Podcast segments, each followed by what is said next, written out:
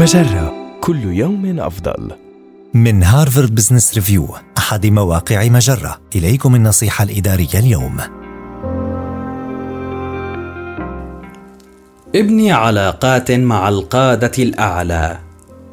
المدير الذي له معارف من أصحاب النفوذ في شركتك يشكل أصلا ثمينا بالنسبة لمسارك المهني ولكن العمل مع مدير يفتقر إلى النفوذ لا يعني أنك لن تتمكن من التقدم. ابني شبكة معارفك الخاصة بتطوير علاقات مع كبار القادة. حدد الأشخاص الذين ستفيدك معرفتهم.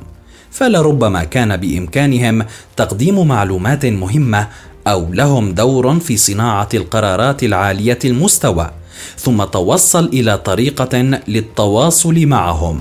مثلا يمكنك تقديم نفسك لمدير تنفيذي بعد أحد الاجتماعات ومشاركة معلومات ذات قيمة بالنسبة له. أو فكر في المشاركة في المشاريع والمبادرات التي يهتم بها هذا المسؤول التنفيذي.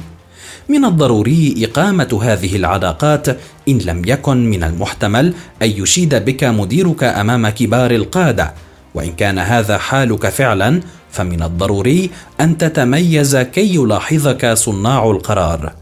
يمكنك التفكير في قيادة لجنة مثلا أو التحدث أكثر في الاجتماعات أو إنجاز أكثر من المطلوب في المشاريع أو اقتراح طرق تشغيلية جديدة لزيادة الإنتاجية.